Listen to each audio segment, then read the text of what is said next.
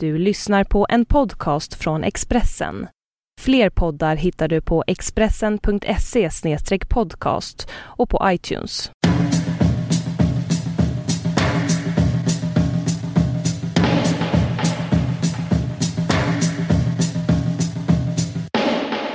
Jag tycker det är kul. Ska vi prata lite om det? Nej, vi gör inte det.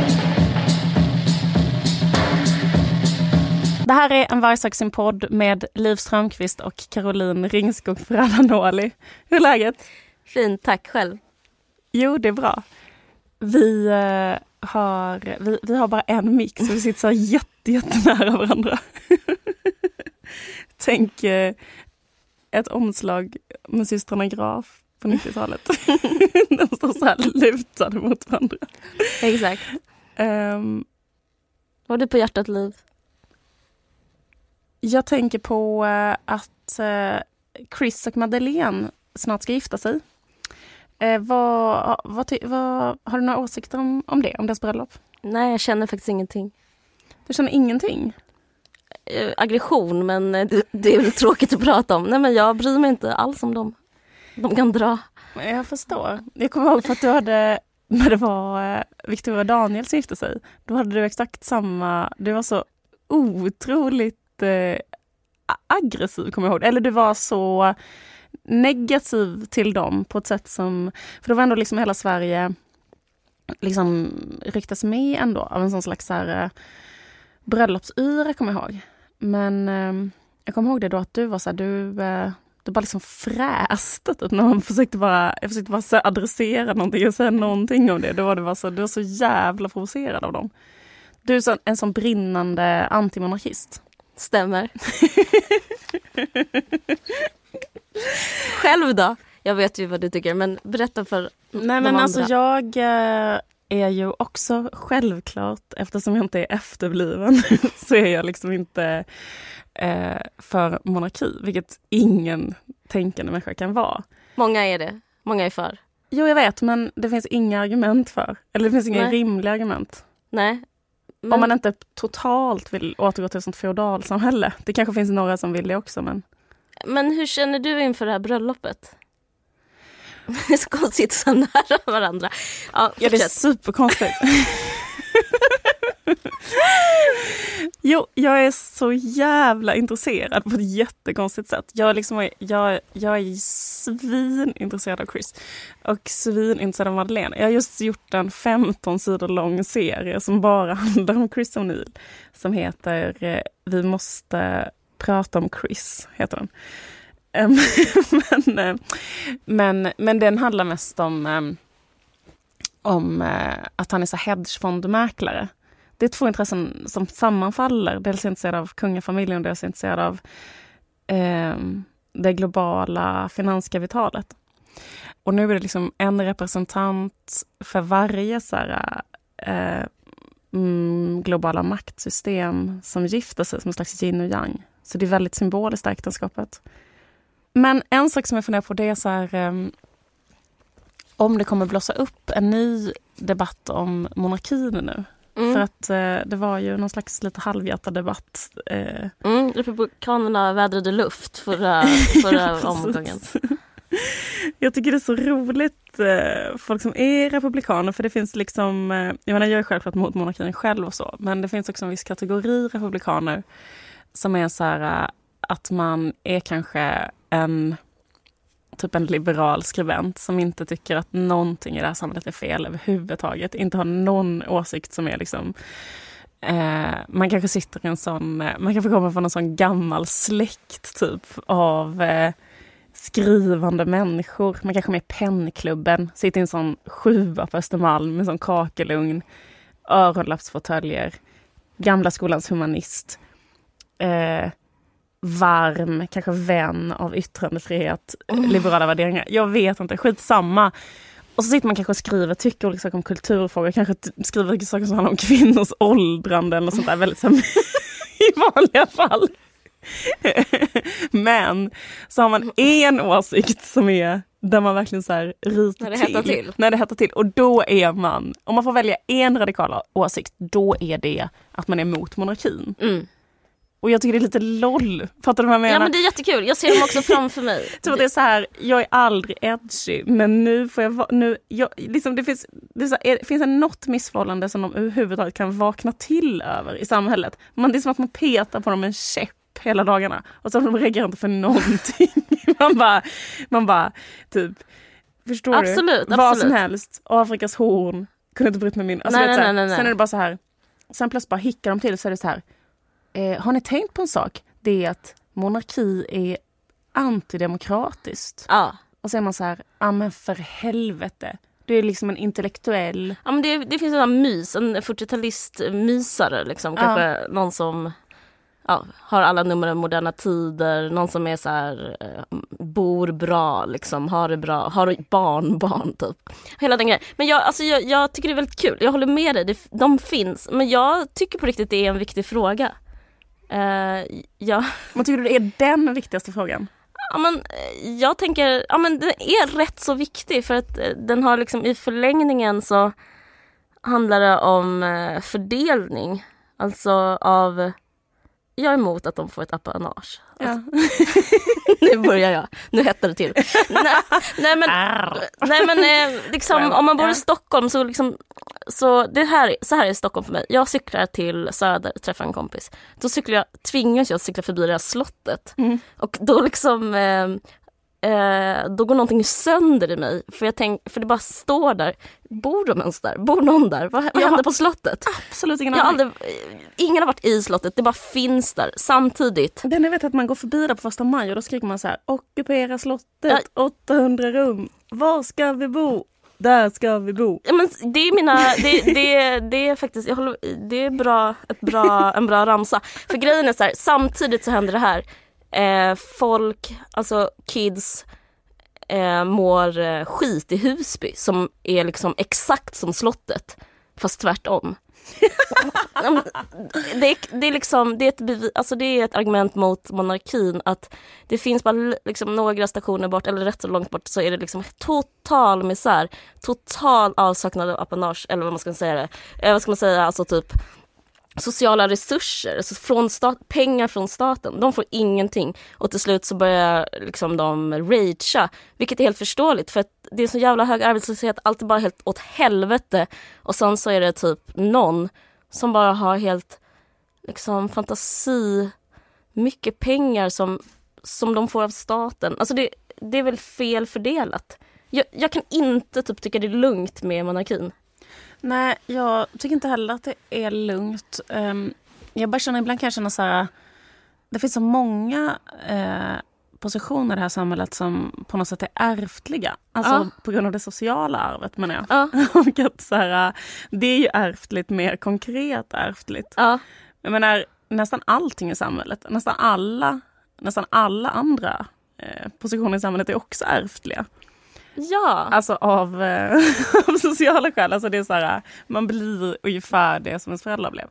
ja, absolut. Men det gör väl inte att monarkin ska Nej, vara, ofredad? Nej absolut inte. Jag bara menar att det är ett så övertydligt exempel så att jag nästan känner att det är så här, Det är väl mest att det är liksom att det är så enkelt att se. Och man önskar att de människorna som kritiserade monarkin också skulle vara så här om man kollar på Chris och Madeleine till exempel så Ja. upplever jag att Chris förtjänar en osannolik mängd kritik på grund av att han eh, jobbar med att köpa och sälja hedgefonder. Mm.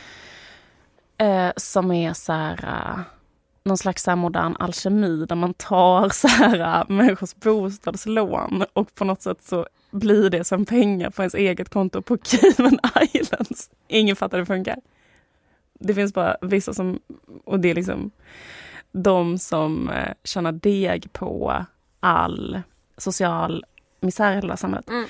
Ehm, Jag tycker att staten borde placera Chris och Madeleine i Husby. Alltså jag, jag önskar, jag skämtar, Ja. roligt skämt, men jag, jag skämtar inte. Jag Nej. tycker de borde bo i Husby och typ eh, hålla på med, liksom försöka eh, bygga en entreprenad där. Liksom. Eh, jag vet inte, jag, jag, jag blir, jag märker nu, jag blir faktiskt arg på riktigt när jag tänker på det här med Ja. monarkin. ja. Jag börjar så här, ehm, jag måste ta en konjak. Du måste luta dig tillbaka i din öronlappsfåtölj, sippa lite på en konjak. och skriva en essä.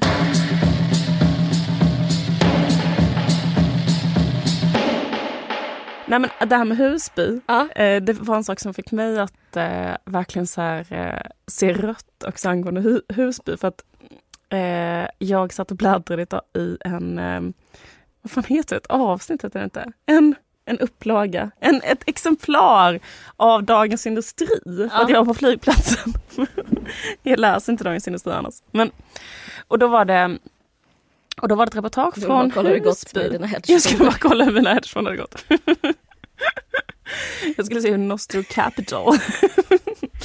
I alla fall, då, då var det så här, då var det så ett reportage från Husby. Då var det så här, projektet My Dream Now är Mm. ute i Husby. Då är det stora företag, till exempel Swedbank. Då är det så här, på riktigt, att Swedbank är ute i en eh, skola i Husby och massa olika företag gör detta i ett projekt som heter My Dream Now. Mm. Där de pratar med dem om så här, Alltså jag tror att their dream now är att få tillbaka sin vårdcentral faktiskt.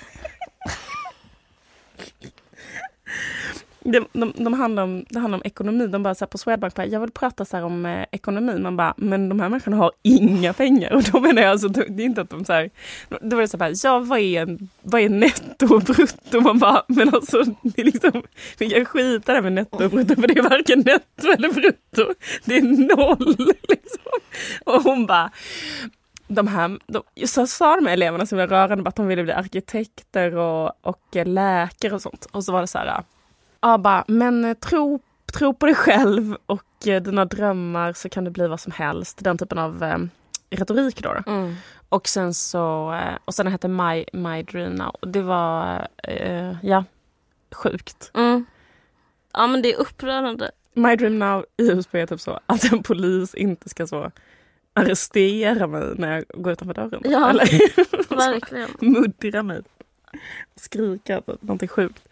Alltså- Eller bara liksom minimumet att inte skjuta ihjäl min pappa eller någon som är 69. Ja, Om vi Ja. sätter ribban där. Nej men jag är på riktigt väldigt, det är fruktansvärt vad som händer i Husby. Jag hörde på radion i morse att det är största upploppet sedan hun- hungerupproren 1917.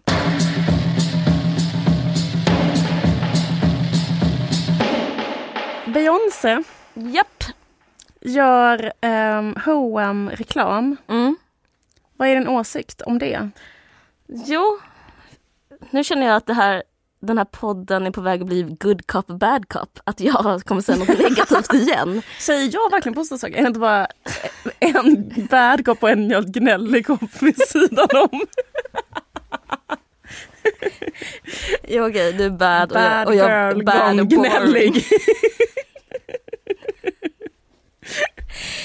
Eh, nej, men jag tycker det är förkastligt att hon... Eh, eh, jag tycker, eller liksom, vad ska man säga? De hate the player, hate the game. Hate H&M skulle jag säga. Det känns så himla så... Just nu med det som hänt i Bangladesh så känns det kanske inte... Eh, det känns jävla ofräscht med H&M. Du tänker på den här fabriken som har rasat in och typ tusen människor har dött. Jag tänker på den typ Och så vidare. Eh, ja, på de tusentals människor Ja. som har dött. Det måste väl säga att det inte är H&M's fabriker Nej. som har eh, rasa, taket rasade in på men det är H&M har entreprenad i de, vissa av de fabrikerna. Ja, alltså, exakt. Och grejen är att när jag tittat på alla, Mm. för jag var inne på Monkey idag till exempel och handlade kläder och då kollade jag på dem och då var de så här made in Bangladesh. Mm. Och, alla, och anledningen till det, så till exempel Monkey, Gina Tricot, Ja. American Apparel, eh, Calvin H&M, Klein, Calvin Esprit, Ja, ja. och det är väl för att eh, det är det billigaste landet i hela världen. På, alltså de har lägst lön de kvinnorna. De, de får kvinnor. 250 kronor i minimilön i månaden. Och det är liksom... 11 kronor om dagen. Och sådär. Ja. Ja, och det är lika mycket vad typ en topp på H&M kostar. Så att... eh, Nej, alltså det sjuka är att en topp på H&M kostar 9 kronor. Ja, Alltså det är det som är så sjukt. ja. Eh, Jag läste vad han, eh, de har ju frågat han eh, chefen, vad heter han, Persson, vad heter han förnamn, minns inte. ingen Varför han inte höjer lönerna bara. Mm. Men eh, eh, då det var ett så roligt argument för då säger han att då skulle de ligga över jordbrukslönerna och komma närmare lärarlönerna. Alltså han är så rädd för att ett klassamhälle ska liksom raseras. Så att liksom med, att bevara klassamhället. Alltså det där tycker jag var så speciellt. Ja det var jättespeciellt för var, han sa så här, Ja. han, han bara så här, vill inte bidra till att skapa så social oro i Bangladesh för att ifall de, för det är också att de Mm, här alltså människorna, de här människorna har ju demonstrerat, alltså de är, Ja. verkar ganska organiserade så det är Mm. positivt att de liksom driver sina rättigheter Mm. och försöker få upp sina löner. Men de är så här, om, om, om vi skulle Typ i solidaritet med andra arbetsgivare i Bangladesh så Mm. vill de inte så här, driva upp lönerna då eller? Mm. Hur som helst. Nej men jag vet inte, jag bara känner så här med... eh, För, Och det är bara kvinnor som jobbar där. Så att, att Beyoncé ställer sig där och blir ett sexobjekt på i H&M's namn. Det blir liksom som en slags eh, grädden på moset av ett enormt kvinnoförtryck. Eh, girls run the world. ja, men då känner, det bara känns så himla Who run this negativt. mother earth. men typ who Ja, uh, who run- sows alltså- this motherfucker. Eller vad, vad, hur skulle man så, göra? Liksom, men sången skulle vara så här. Vem syr våra kläder? Girls. Ja, Ja. vem köper dem? Girls och typ Eh, vem tjänar pengar? Män. Typ. Men eh, det känns, nej men jag, eh, jag tycker det känns jättetråkigt. Och sen så är jag, kallar mig konservativ. men jag tycker det är också tråkigt eh, den här nya eh, typ av feminism som finns. Den där, jag vet inte om man ska kalla det fjärde vågen eller vad man ska kalla det, femte. Eh, jag vet inte. Men att allt är okej. Att det är okej att vara ett sexuellt objekt. Att man håller på liksom, att det inte är en, att det är en icke-fråga det här med att objektifiera kvinnor. För jag lider väldigt mycket av att det finns en total sexualisering av kvinnor i samhället och därför jag känner mig kluven inför så här att Beyoncé ska bli en, liksom, att hon i det att hon är en feministisk ikon ska det också rymmas att hon ska bli liksom pissobjektifierad. Jag känner mig sårad. Jag skulle vilja att folk kanske sprayade ner de affischerna och liksom eh, gjorde ett attentat, brände bilar, jag vet inte, något sånt. Nej jag skojar, skojar sista. Men eh, ja, Um, ja, precis. Säg det nu i alla fall. Jag gillar det här lite så här edgy poddar som eh, liksom inte så här väjer för obekväma utan att man hela tiden rör sig i gränslandet. Men eh, nej men jag bara men det hävdat måste- med en objektifiering. Jag tycker det är för jobbigt och Ja, jag, tycker jag tycker det är synd. eh, Det, det är så jag känner, du frågar vad tycker du om att Beyoncé är på H&M's Mm, affischer? absolut. Men jag kommer ihåg, men det, det stämmer en, en grej därför att eh, det var ju en det fanns ju en era i början av H&M's eh, affischkampanj där det verkligen var rutin att man eh, sprayade ett kvinnotecken varje gång man gick förbi. morgonpissen. Det var så morgontid, man liksom gick upp, gnuggade sömnen i ögonen. Eller liksom där vi bodde fanns det för sig bara en. Det fanns en Det finns en reklampelare. reklampelare. Men, men, eh, men den har ju till exempel du och jag, va? jag minns inte ens Det så men här. du har berättat det för mig. Ja, jag kommer inte ens ihåg det, för jag gjorde det så himla Det ofta. var, det var Österlen, Ja. tänk Österlen. Ulf Lundells Österlen. Tänk Rapsfält. Tänk Rapsfält. Ja, Vi befinner oss eh, mitten av 90-talet. mm, mitten av Ulf Lundells Österlen, hjärtat, Simrishamn. Mm. Jättevacker park som heter Brunnsparken. Mm. Där fanns en busshållplats. Mm. I den, Jag så jävla positiva minnen av liksom hela den parken och den busshållplatsen Ja. det var, vi hade underbara samtal där. I den så fanns det också en reklampelare. Och där fanns, jag tror det kanske var, om det var Anna Nicole Smith eller om det var senare, vem som var modell. Jag vet inte. Det var Jag tror så- inte att det var hon, jag tror att det var senare. Ja, Mm. precis. Eh, och då så eh, hade du med dig en sprayburk Mm. och så bad du mig vakta. Jag var yngre och Ja. eh, jag, det var liksom, för mig var det väldigt stort. Det var liksom väldigt så här en milstolpe och du sprayade kvinnotecknet på det där, eh, den där stora affischen. Och sen så typ smet vi. För jag kommer ihåg en eh, Roskildefestival som jag ägnade, för då var det någon så här eh, dålig konstnär som hade tagit en massa sådana H&M-affischer och Mm. liksom klippt ut den här Tara Banks var det då. Mm. Och eh, liksom satt upp henne som pappdockor överallt på Roskilde som en slags jätte, jätte, jättedålig konstinstallation. Mm. Men då kommer jag också ihåg att det bara var så himla mycket orka på det. För då, eller, och det var så jobbigt på den festivalen för det liksom var bara att gå runt och så här plocka alla de där. Det kändes som att städa typ. Mm. Det tog så himla lång tid. Men det är ändå positivt så här, reklamsabotage på det sättet. Det var ju liksom, men nu undrar jag så här. ehm, liksom, eh, hur, är det liksom, hur mer- går det nu med det? Saboterar folk de här affischerna till exempel? Nej, Utan då är det mer en sån här stämning. inte. Det är en eh, omfamning av att det är en kvinna som Beyoncé som är en grym artist Mm. liksom, så blir det kanske ett, ett, ett till sätt på att vara grym på tror jag. Men en sak undrar jag, det här, det här, rätta mig om jag har fel, Mm. men är Beyoncé där på H&M's affischer för att eh, uppfylla kraven på att ha lite mulligare modeller? Ja. Ja, men det får mig att eh, alltså, hoppa ut nu genom fönstret. Mm. Jo men alltså så har jag uppfattat det, typ att det är så här, eh, eller typ att jag har läst så här, bloggare som har skrivit så här, bara, ja men eh, eh, gud vad härligt att så här, man får ha kurvor. Eh, och typ att man, för det Ja. är som du sa, att det finns ett sånt extremt så här, rasistiskt skönhetsideal som är så här att man ska vara jätte, jättesmal, ha jättesmala höfter och vara vit. Ja, Det är liksom det som är, kan man säga. Och nu är det typ de bara, ja men nu har vi istället någon som typ har en rumpa. Men Och då, och då är alla så här, gud vad underbart, la la la, girl power. det var som är jättesmal. Jag vet.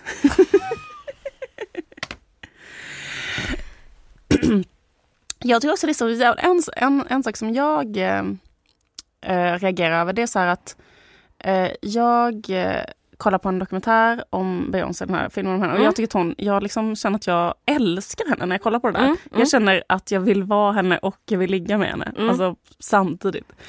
Jag känner att hon är fantastisk på alla sätt. Mm. Utstrålar något underbart. Men jag tycker det är så jävla konstigt att hon gör H&M-reklam av skälet att hon måste ha så osannolikt mycket deg redan. Alltså jag kan liksom inte komma på någon som kan ha så mycket pengar. Mm. Hon är alltid med på sådana listor över de som är mest betalda. Bla bla. Hon är gift med den som har, är den mest. Bäst betalda. Hur Mm. mycket pengar Jay-Z har Ja. är sjukt. Ja, hon tjänar mer än honom till och med. Okej. Läste. Ja. Okej. Eh, och sen så såg jag och sen, jag tycker det är så jävla konstigt att liksom bara, behöver du de extra... Jag, jag tycker det är en konstig prioritering. Och också såg jag att Penelope Cruz var för Lindex. Mm. Och då fick jag samma känsla. Som är att, what the fuck, vad fan fan håller du på med? Och sen också bara, mm, men jag tror, eh, liksom, du kan inte få mig att tro att liksom Beyoncé åker till Saint-Tropez med Jay-Z och liksom tar på sig en jävla hm bikini när hon ska ligga på sin yacht med honom. Alltså det händer inte. Och jag tror inte att Penelope Cruz och Javier Bardem går på en sån eh, femstjärnig restaurang i Barcelona med Almodovar och hon har på sig en Lindex-trasa, Nej, en jag topp och det en, en fin Lindex-topp. Det existerar En inte. tunika. En tunika. Nej, jag tror inte liksom det en- heller. Nej men i, i Beyoncés fall är det ju att hon är så superkapitalist. Alltså hon är värsta entreprenören. Både hon och Jay-Z är ju, de är bara håller på och harvar för att eh, Ja, jag bara- tjäna feta liksom. Jag bara tycker det är så konstigt för, för jag känner nästan att det Nej men det jag reagerar mot nästan är på grund av det. För jag känner nästan att det är så oentreprenörsmässigt av dem att göra detta. Det här känner jag, alltså för att man devalverar sitt varumärke så pass mycket. När jag ser dem hasa runt i de här jävla paltorna, då känner jag bara, jag tycker inte det är fett längre. Nej. Och, hur, och liksom så kända de är, Mm. Att de kan liksom sälja, för liksom att sälja sig till det, det tänker jag att man börjar göra. Jag menar jag kan fatta, Anna Nicole började det när hon typ ville mer och mer börja, riktigt behövde så finansiera sitt blandmissbruk typ. Alltså det var då hon kände att hon... Mm. Jag fattar. Ja, men jag tror att Jag det är känner, bara... så här, jag, känner att jag, det är en det, på väg, på, jag känner att det är en människa som är på väg ut för som gör en sån grej. jag tror tyvärr inte det. Nej hon är självklart Ja. på väg ut. Ja, för hon kommer liksom bara att, ehm, Jag tror hon bara samlar, samlar pengar liksom. mm, Intressant. Jag tycker det är intressant att hon omfamnar så mycket av feminister nu. Ja. Vad, vad känner du? Vad får du för känslor av det? Alltså jag tycker på ett sätt att det är ju rätt så, jag tycker liksom på ett sätt att det är ganska så här eh, empowering det som hon håller på med ändå. Jag menar typ jag kollar på den här eh, och då snackade hon om så här, då sa hon på ett så enormt enkelt och superfint sätt så här, hon sa så här I think about women all the time. Because it's very hard to be a woman. Mm. And sometimes we need support.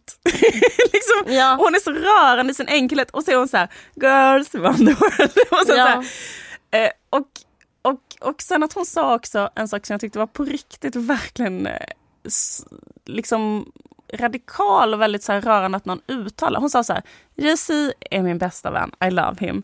Men det finns ingenting som är så som att ha ett samtal med en kvinna. Mm. Så här, jag, kan, jag kan typ inte ha ett intressant samtal med en man.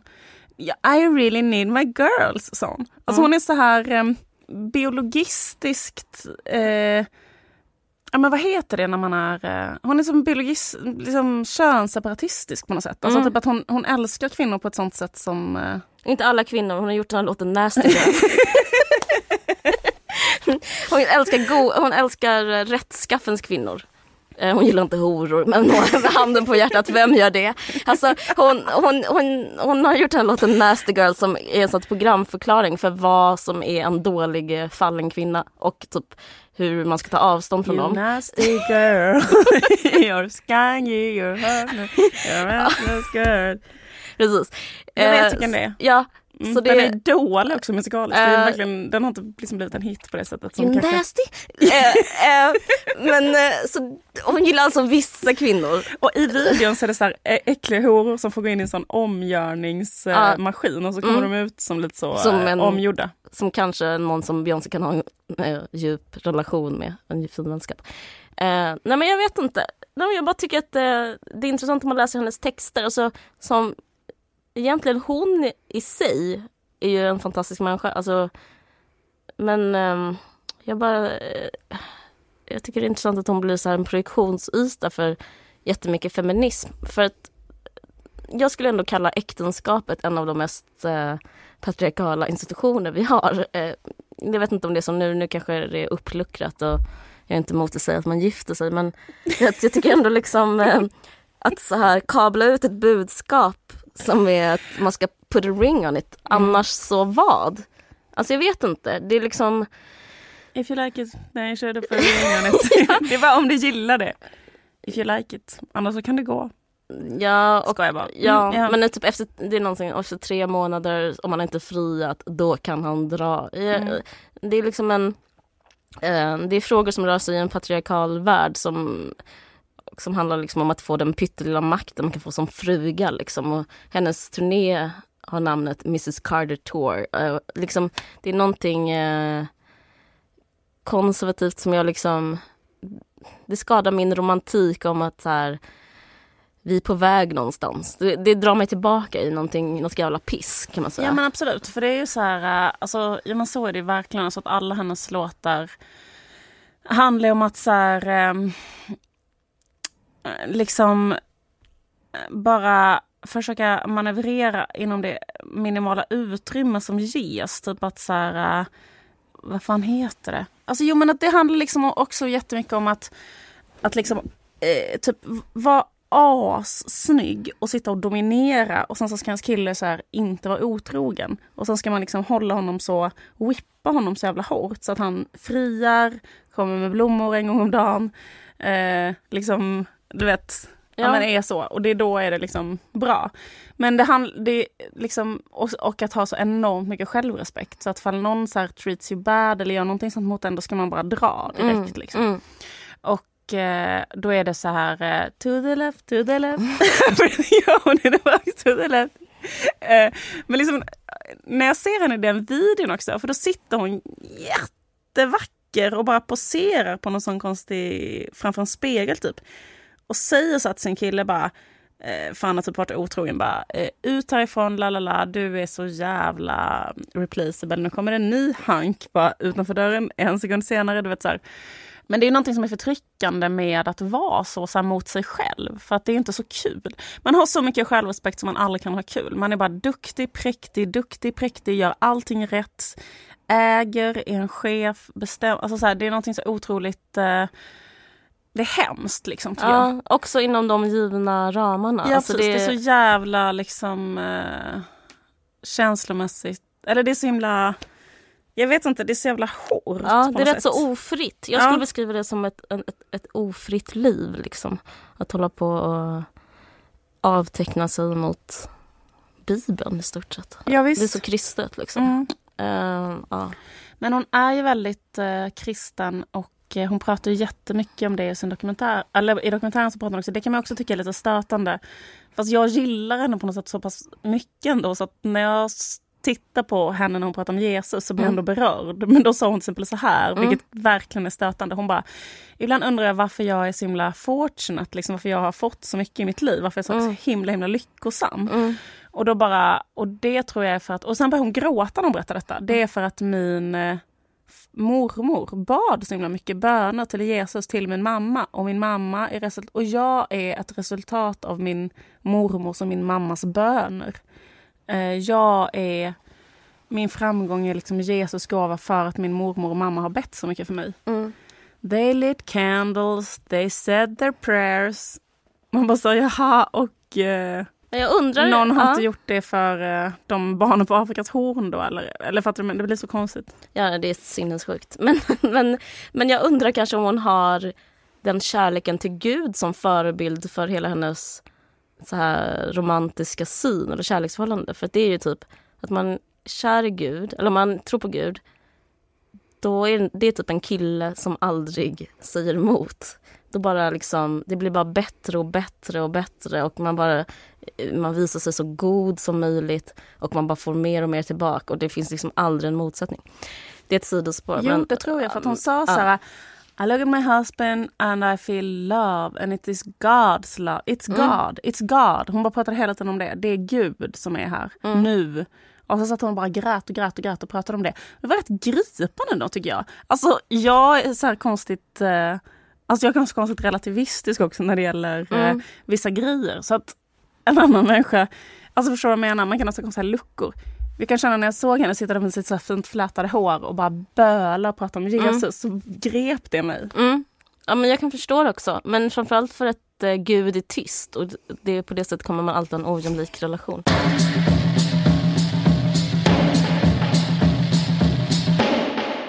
Men jo, men vi pratade innan om det där med vilken, för att hon kommer från ett så här jättekonservativt så här, eh, hem. Ja. Och vi pratade innan om just på grund av hennes jävligt konservativa värderingar som framförs ofta i hennes låtar och så. Mm. Om hon var, för att hon, att hon, för hon var ju kanske först republikan och blev sen demokrat. Ja. Kanske.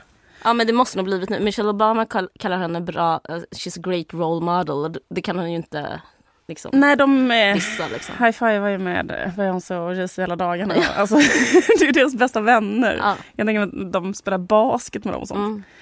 Men jag tror att hennes originalfamilj, Beyoncés eh, biologiska pappa och mamma, är republikaner. Och det här baserar jag också på att hennes pappa har fått ett han har skilt sig från hennes mamma nu Mhm. och fått ett nytt barn med en Scrubs-skådis.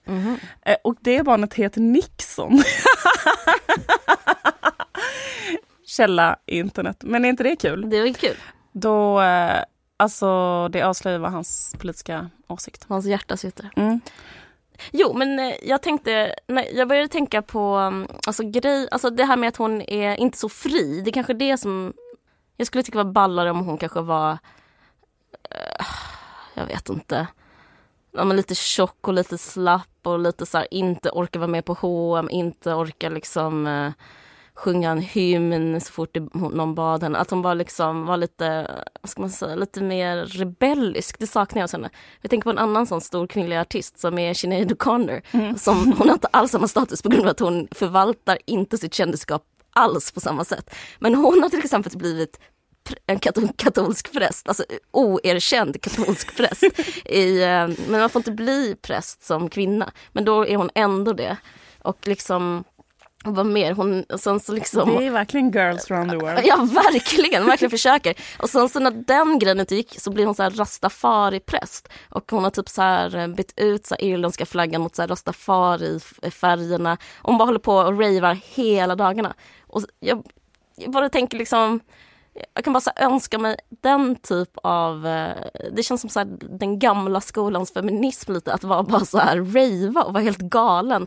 Hon till exempel gifte sig med en kille som var drogterapeut. Men sen så är hon eh, weedmissbrukare så att hon så här, tvingar honom att åka ut till så här, jättedåliga kvarter i Irland. Jag tycker kul, jag tycker det räcker med att hon kommer från Irland, det är jätteroligt. Och sen så slutar med att de sitter med typ en shitload of crack i knät och då så, ja, så skiljs de där och då. Liksom. då sa, men, men då sa hon att hon hellre väljer typ weedet än honom. Liksom, ändå. Att hon, att hon, jag bara tänker, jag menar inte att Beyoncé ska vara så, men om hon skulle vara pyttelite så kanske inte jag skulle så här, gnälla om att hon sexualiseras på daglig basis och jag vet inte. Jag, jag känner liksom, jag vet inte, jag vet inte poängen med att jag ska ha en sån jävla duktig duktig flicka som förebild. Jag har lite svårt att se Hon känns, det. när jag tittar på den dokumentären så fick jag väldigt mycket känslan av att hon är som den tjejen som var populärast i ens klass. Mm. Den som är absolut sötast, typ så söt, så fantastisk så det går liksom inte att föreställa sig någon som är så söt och så perfekt så här, Mm. när man går kanske på mellanstadiet. Och som också är snäll. Mm. Typ en sån snäll diktator. Som Mm. liksom vet allt, gör allt rätt, har så helt perfekt, allting Mm. fina kläder, så här hårt flätat med så kanske färgmatchade. Det är en slags Mm. tjej Mm. som också är um, liksom maktfullkomlig Mm. och superkontrollerad. Och också så här, jag vet inte, så, så är hon väldigt mycket, Mm. fast gammal. Mm. alltså fast liksom eh, samtidigt så otroligt som ett barn väldigt mycket Ja. också. Alltså att hon är så um, mega naiv på något, på något plan. Alltså när hon Ja. pratar så, så känns det som att hon är så här, eller vad ska man säga, väldigt sådär... Ja, men jag skulle, ja, precis, men hon Men sköter, ett sig, hon sköter sig på alla områden. Jag, det är också typ ett sätt att sköta sig, så att åla jättemycket på en scen med typ, eh, när typ fem dansare piskar runt omkring henne. Det är liksom också ett sätt att så här, sköta sig. Liksom. Jag, jag vet inte, det känns lite B på ett sätt. Lite Beyoncé på ett sätt. Ja, jag vet inte. Och Också en annan sak som hon sa, apropå det där med sex, att hon pratade så mycket om alltså, en sak som jag tyckte var så jävla konstig. Den här, då pratade hon om att hon så himla ledsen för att hon har bråkat med sin pappa. Hon har ju en konflikt med sin pappa. Hon har avskedat honom som manager och så. Mm. Mycket på grund av kanske det här att han har fått ett barn med några scrubs. Först trodde jag att han hade fått barnet med Dean Hatskådis i Scrubs. Och då tänkte jag att det skulle vara en? Dean Hatskådis i Scrubs, Carla. Hon som är Carla. Vad är det för, för falska anklagelser? är det min hatskådis? Men du, snack, du, du snackar om att du inte gillar Carla i Scrubs. För att du tycker att hon har en jobbig präktig karaktär. Hon som är ihop med en turk. Okej, skit i det. Okej, okej. Hon, ah, Beyoncés pappa har i alla fall fått ett barn som andra efter Nixon. Och det barnet, eh, och då efter det så tror jag att Beyoncé liksom ja, eh, dumpar honom som manager. För eh, han har liksom varit otrogen mot sin mamma och gjort någon annan gravid och så vidare. Jo just det, men då så pratade de om det så sa hon så. När jag känner mig lite nere, när jag tänker på, på min pappa så. I just feel sad. Och sen var det bara så. And, I, and then I just feel like making love to my husband. Aha. Förlåt men bara så här, att så här, eh, var inte det, tycker, eller vad tycker du om det? Att hon sa comfort, comfort Mm. sex. Du säger jag är ledsen för min relation med min pappa och sen i en tv-kamera säger så här I just feel like making love to my husband. Alltså, alltså det är någonting med att vara så himla, eller förlåt men jag, jag tycker att det var så konstigt, eller att det är konstigt att, att tänka så. Freud hade ju tyckt det var skitkonstigt. Nej men det är väldigt, det är väldigt så här, vad ska man säga, oidipalt fast du vet. Det är väldigt så, det, om det är det du är ute efter. Men jag vet inte. Nej, men vad, vänta, vad tycker du är konstigt med det? Nej men jag tycker det är konstigt att, att, att liksom hon är så jävla liksom, eh, att hon spelar väldigt mycket på sex Mm. och har så extremt sexiga outfits hela Mm. tiden och liksom är så här. Men allt, allt det ska liksom ske inom äktenskapet, allt det är till för hennes man. Eller för vad jag menar, Mm. allt det är liksom så här, eh, ja men det, det ska bara hända liksom. Eller liksom att, att den heter Mrs Carter Tour och så här, att, att det är så, att det är så ehm, Ja, jag vet inte. Men det är något sätt att se på sexualiteten som är så här lite konstigt tycker jag. Och sen att hon i själva verket är så här, jag ska... Liksom det finaste som finns, det är typ det äktenskapliga sexet som man Mm. har eh, som en gåva för att nästan hela sig själv Mm. när man är ledsen och så. Jag, ty- jag tycker inte det är så konstigt. Men tycker du inte det är konstigt att säga det? Typ? Jo, kanske. Jag tror att, hon liksom att hon säger det för att det är så hon tycker att det ska vara. ja. Liksom att det är den bilden vill hon ge av sig själv. Så att jag gillar att ligga med min man typ. Det är det vackraste som finns. Det är det mest helande som finns. Och så vidare. det kanske det är liksom. Eh, skit i det. Skit i det svårt. Det är liksom inte så här, åh jag är så jävla kåt, fan vad fett, typ la la la, den grejen. Nej, Utan det är nej, mer nej. så här bara, mm, mm, Jesus came to me and he said, Men jag I'm gonna jag- give you, men- jag, my, you have answered my prayers. You are my best friend. Uh, all the dots get connected. I think everything happens for a reason. I think I broke up with my dad because I should have be, make beautiful love to my best friend, my husband JC. All the dots get connected. Everything happens for a reason. att hon är så. Ja, men, nej, men det, jag har inga problem. Jag kan tänka mig, alltså vad ska man säga, summan av kardemumman, jag kan tänka mig att det är ett bra sex. Alltså så mycket Ja, skit i den. Pepp, en stor pepp där bakom liksom. Ja. Ehm, ja. Okej, jag kan säga en sak om Bell Hooks. Mm. Hon har skrivit en bok som heter Ain't I a woman? Mm.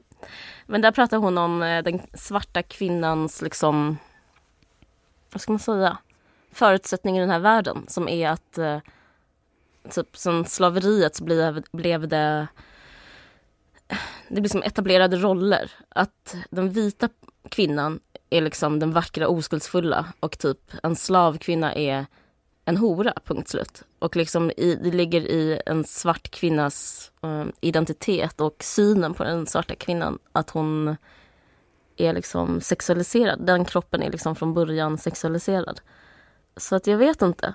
Jag tycker det, det jag undrar om det känns ju inte, det, det är inte Beyoncés ansvar men det känns som att hon fortsätter verka i den traditionen. Eller förstår vad jag menar lite? Mm, absolut, det är jävligt intressant.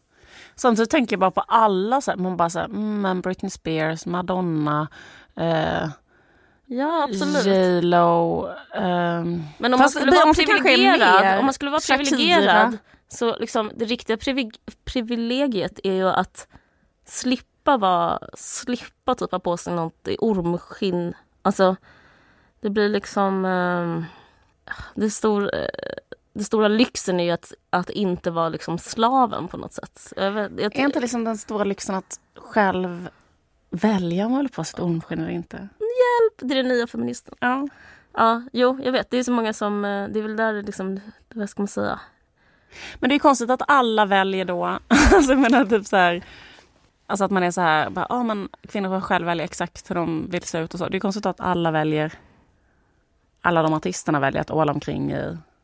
Det är ju bara för att vi lever i ett patriarkat. Ja, jag vet. Ja, Men ja, men det är liksom- därför jag menar, det var en Ja. fråga. Ja, okej, ja, förlåt det retoriska svaret. Men, men det jag menar, men därför det bara känns lite deppigt att så här, i den näringskedjan från, de, från Bangladesh liksom, där de är så fruktansvärt förtryckta, att det slutar med typ att hon är liksom en upphottad slav.